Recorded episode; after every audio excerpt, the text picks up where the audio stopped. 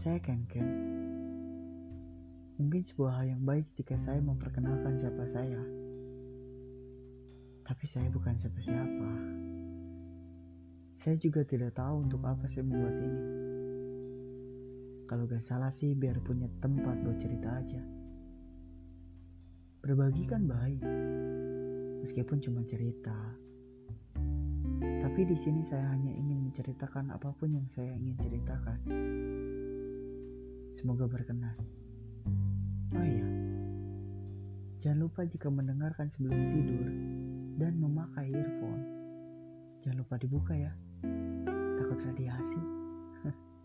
Bye.